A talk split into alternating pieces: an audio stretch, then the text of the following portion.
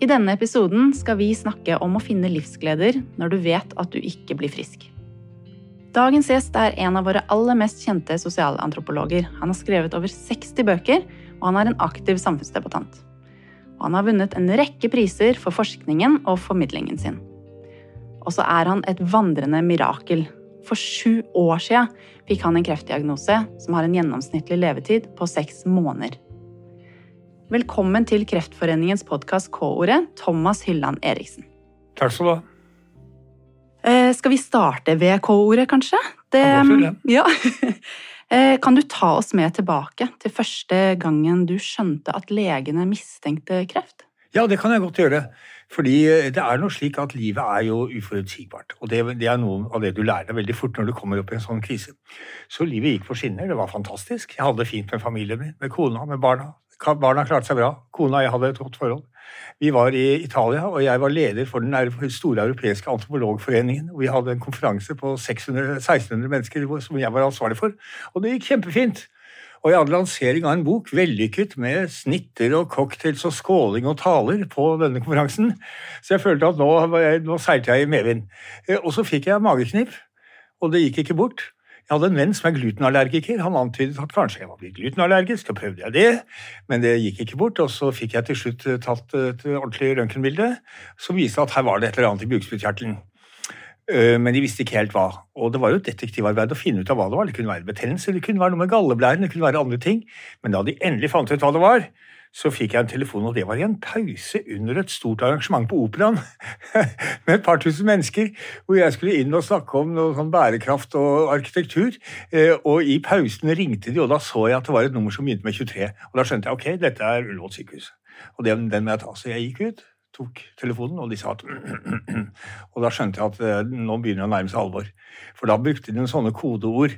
Først hadde de sagt at det er foreløpig ikke mistanke om kreft, og nå sa de at vi har funnet noe, og de bør komme hit ganske snart. Men Sa legen noe om prognosen og sånn? Nei, det spurte jeg ikke om. Altså, og det gjør de ikke, vet du.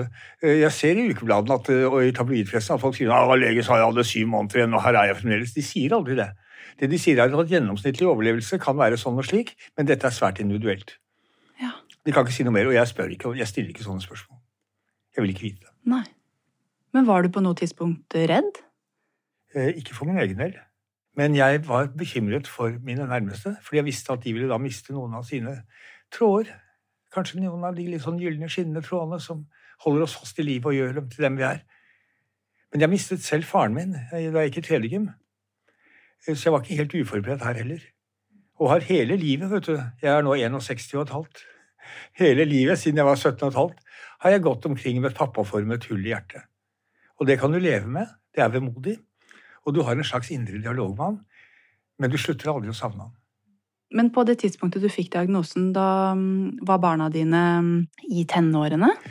Ja, altså Unnskyld, ja, de var det. Sønnen min var i slutten av tenårene. Han var akkurat ferdig med videregående. Og datteren min gikk i første gym. Så de var jo unge. Ja. Eh, og de var omtrent like unge som min bror og jeg var da vi mistet vår far. Ja.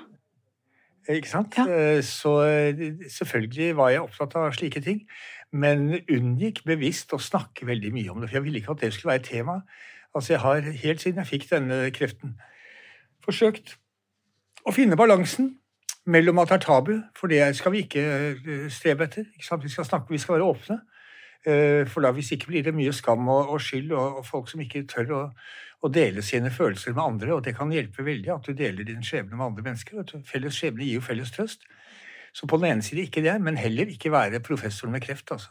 Jeg har ikke noe lyst til det. Se, her kommer han som har kreft. Eh, ikke sant? Så du må finne den balansen. Og hjemme snakket vi lite om det, men det lå jo der. Ja, for Hvordan fortalte du det til barna dine? Ja, rett ut. Ja, nå har jeg fått kreft. ikke, man må ikke legge skjul på sånne ting. Man må være åpen, og man må si det med en gang. Hvis ikke så så ender man opp i halvsannheter og dulgte hentydninger, og så finner de det ut på egen hånd, og så har du sviktet dem fordi du ikke har vært ærlig. Og om noe så viktig er man nødt til å være ærlig. Mm. Hvordan reagerte de, da? De eh, reagerte, syns jeg, på en forstandig måte. Tok nok litt mer hensyn til meg. Spurte nok litt oftere hvordan jeg hadde det. På noen områder kom vi kanskje litt nærere hverandre, men ellers levde vi normale liv så godt vi kunne. Og vi kunne spøke med dette her. Og det er viktig vet du, å ha litt humor. Ja. Hvordan, øh, hvordan spøkte dere om Nei, det? jeg kan ikke eh, Jeg kan ikke si det, men litt sånn grotesk humor, da, vet du. Eh, altså For eksempel, vi hadde en katt, ikke sant, en gammel katt, så jeg, nå skal vi konkurrere om eh, Jeg vil gjerne vedde en Mentos-pakke på at jeg lever lenger enn Doffen. Og det klarte jeg. Han døde i fjor vår. Har du fått en Mentos-pakke? Ja, jeg har vel fått noen Mentos-pakker. Ja. Men vi holdt på litt sånn, da. Ja. Men ikke veldig mye, og det var ikke noe stort tema. Og det tror jeg også er riktig.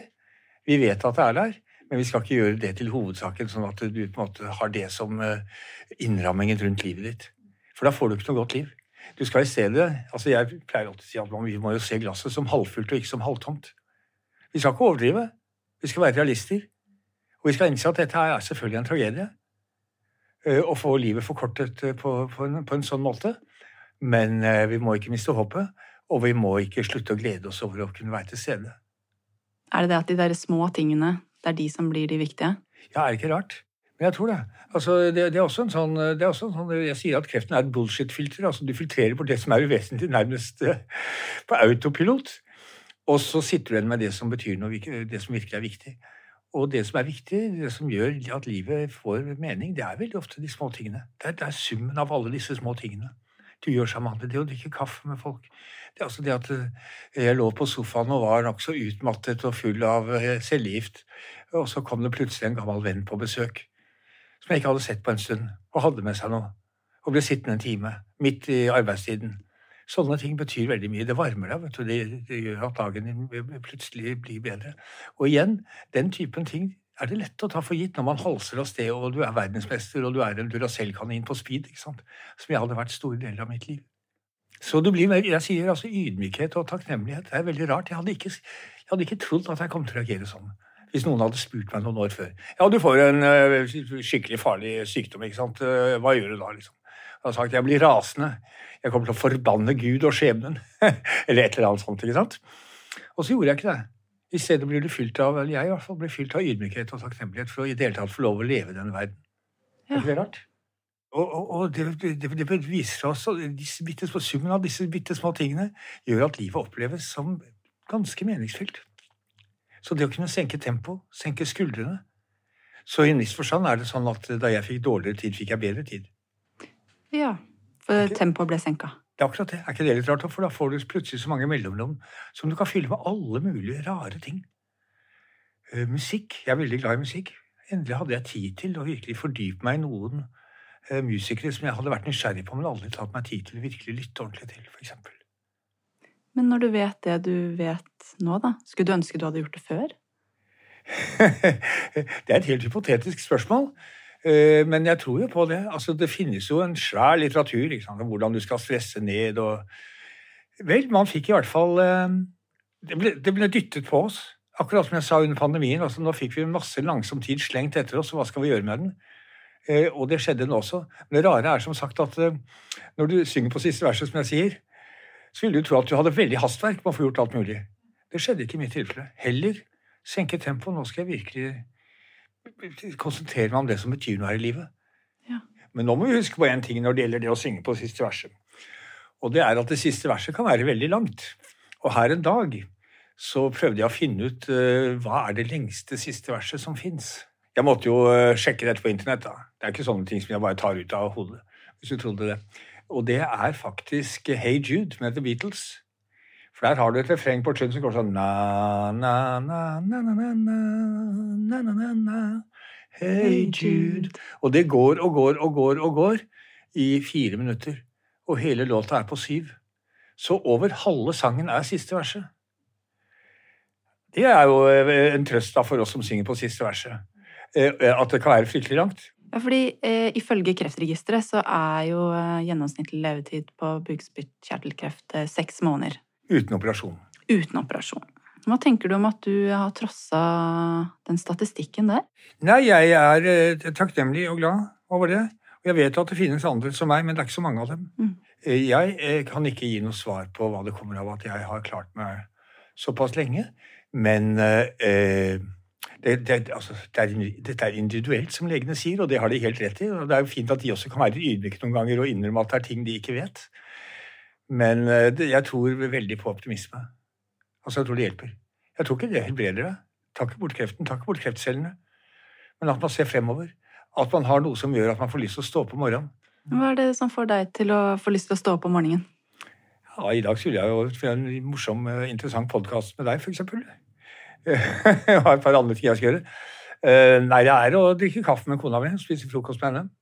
Det er det første som jeg ser frem til. Da står jeg opp litt tidligere enn det jeg må, for hun skal på jobb. Jeg må, og jeg må ikke få jobb i samme grad som henne. For jeg har litt mer fleksibelt arbeid.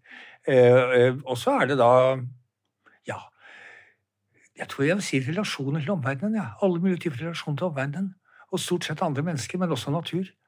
Uh, ting jeg skal gjøre sammen med andre. Ting jeg skal skrive. Satt jeg oppe her en natt til klokken to og skrev en kronikk om turisme. Fordi det var noe jeg hadde lyst til å skrive om. Uh, og ja, det vil være sånne ting. og så er det noen dager du er i kjelleren. Vi skal ikke undervurdere det. Altså, jeg, jeg, jeg er ikke Polianna. Jeg tror ikke at alt går bra bestandig. Noen dager er vi i kjelleren, og det har vi lov til. Vi har lov til å være lei oss. Vi har lov til å være redde, skuffet, bitre. Uh, alle disse vonde følelsene. Og det er gode og dårlige dager. Mm. Som jeg pleier å si, at nå er jo som mitt liv Altså, mitt liv er blitt litt som de norske vintrene. Det er gode og dårlige dager. Og på de gode dagene, når det er liksom minus fem og det er snø i marka, så må du bare komme deg ut, for du vet ikke om det blir sludd i morgen ikke sant, og mildvær. Men så må vi da ta vare på de gode dagene. Så jeg sier at de øyeblikkene, og dem har jeg hatt veldig mange, og jeg samler på dem i mye større grad enn bevisst, de øyeblikkene som eh, gjør at du føler at nå er jeg liksom i, i en relasjon, relasjoner som, som, betyr noe for meg. De blir som sånne sukkertøy som du kan suge på når du ligger på sofaen full av cellegift og føler deg nokså elendig. Så kan du ta fram det sukkertøyet og huske det minnet. Eh, og, og, og, glede deg over det. Mm. Altså Det kan i hvert fall være en måte å komme litt ut av den gjørma på. Mm. Men vi skal anerkjenne at den fins. At de sorte hullene og de mørke stundene eh, de er helt legitime, de er helt ok, og de er helt naturlige. Og ingen slipper helt unna. Nei, For det kan jo kreve ganske mye av en person å skulle dra fram de sukkertøyene. Du kan ikke gjøre det hele tiden. Nei, ikke sant? Nei, du kan ikke gjøre det hele tiden. Mm. Eh, jeg vil jeg sier om meg selv, altså vi er jo individer og vi er forskjellige. og I min eget, min eget tilfelle kan jeg si at min Min beste og dårligste egenskap er min optimisme. Ikke sant? Jeg tror altfor godt om folk og verden, men jeg eh, får også til en del fordi jeg tror alt kommer til å gå bra. For å si det sånn. Uh, og der er vi mennesker forskjellige. Vi er utstyrt med ulik personlighet, og vi har ulike typer relasjoner. Og vi skal anerkjenne liksom, sorgen, frykten, skuffelsen, bitterheten som uh, like naturlig og like menneskelig som alt det andre. Men vi må også prøve å løfte oss litt opp etter håret. Hvis ikke kommer vi ikke videre, og da kommer vi inn i onde sirkler. Hvordan takler du de dårlige periodene? Har du noen eh, Hva skal man si Ikke triks, men liksom Har du noe du går gjennom? Tillater du deg å liksom jeg, Denne dagen her skal jeg få lov til å føle det sånn, men i morgen Eller Ja. Ja, i går hadde jeg en sånn dag. Selv om jeg dro ut og holdt et foredrag som jeg så vidt klarte å gjennomføre, og jeg er veldig takknemlig for at jeg klarte å gjennomføre det. Eh, da var det is. Jeg spiser is. Jeg har en del sånn eh, kroneis, eh, for det fikser jeg fint å spise. Ja. Og det er jeg glad i. Jeg spiste is. Jeg tok meg en konjakk på kvelden. Og jeg hørte på musikk. Og jeg gjorde ikke nytte for meg. Mm. Ventet med å svare på e-poster. Og lå litt på sofaen. Så da, da må vi unne oss noen sånne altså, syndige gleder. Guilty pleasures. Ikke sant? I den grad vi orker og være, vi må prøve å skjemme oss bort litt. Og det har vi lov til. Ja. ikke sant? Spise is. Spise is, eller gjøre noe tilsvarende som gir deg glede. Selv om det bare er litt. Savner du den farten du hadde før? Ikke veldig ofte. Mye sjeldnere enn jeg hadde trodd. Jeg snakker like fort som før, men alt annet gjør jeg langsommere. Eh, men det var en, det var en vanskelig overgang. Og jeg husker den første dagen jeg var tilbake på, på jobben. Og da hadde jeg liksom fremdeles sikkert litt morfin i kroppen og var ikke helt eh, på høyden. Men jeg ville på jobb. ikke sant? Så fort. Du var kjapt tilbake? Jeg ville ikke nødvendigvis å begynne å jobbe igjen, men bare vise meg og snakke med kollegene mine. Hvorfor var det så viktig for deg? For det er en viktig del av min identitet. Altså, Jeg har jobbet, jeg har vært tilknyttet til Universitetet i Oslo siden 1981. Ok, Det er eh, over 40 år. Så på mange måter har det vært mitt annet hjem. Eh, så det har vært eh, viktig for meg, og jeg har et godt forhold til eh, institutt hvor jeg jobber, mine kolleger osv. Så, videre. så jeg ville dit og vise meg og se, vise dem at jeg var i live og, og håpet å komme tilbake. Og da husker jeg at jeg sa til en av mine nærmeste kolleger at satt der eh, utmattet i en eller annen sånn myk stol. At ting kommer aldri til å bli helt det samme igjen. Um, og det var jo riktig. Men det var vanskelig å komme dit. Og jeg klarer det ikke helt ennå. Jeg glemmer meg. Påtar meg for mye. Ting jeg egentlig ikke orker. Senest i går uh, hadde jeg nettopp blitt tatt av en cellegiftkur. Og da er du litt Da er du ganske kraftig redusert, vet du. Og da, da, er du faktisk Da bør du ligge på sofaen, altså. Men jeg hadde påtatt meg å holde et foredrag. Og det var bare så vidt det gikk. Men det gikk greit. Du gjorde det? Ja, det gikk greit. Og så var jeg nokså utmattet etterpå, så jeg glemmer meg. Så det er ikke lett å, å gå fra å være en Duracell-kanin på speed til å være en skilpadde på 85 år. Over natten. Mm.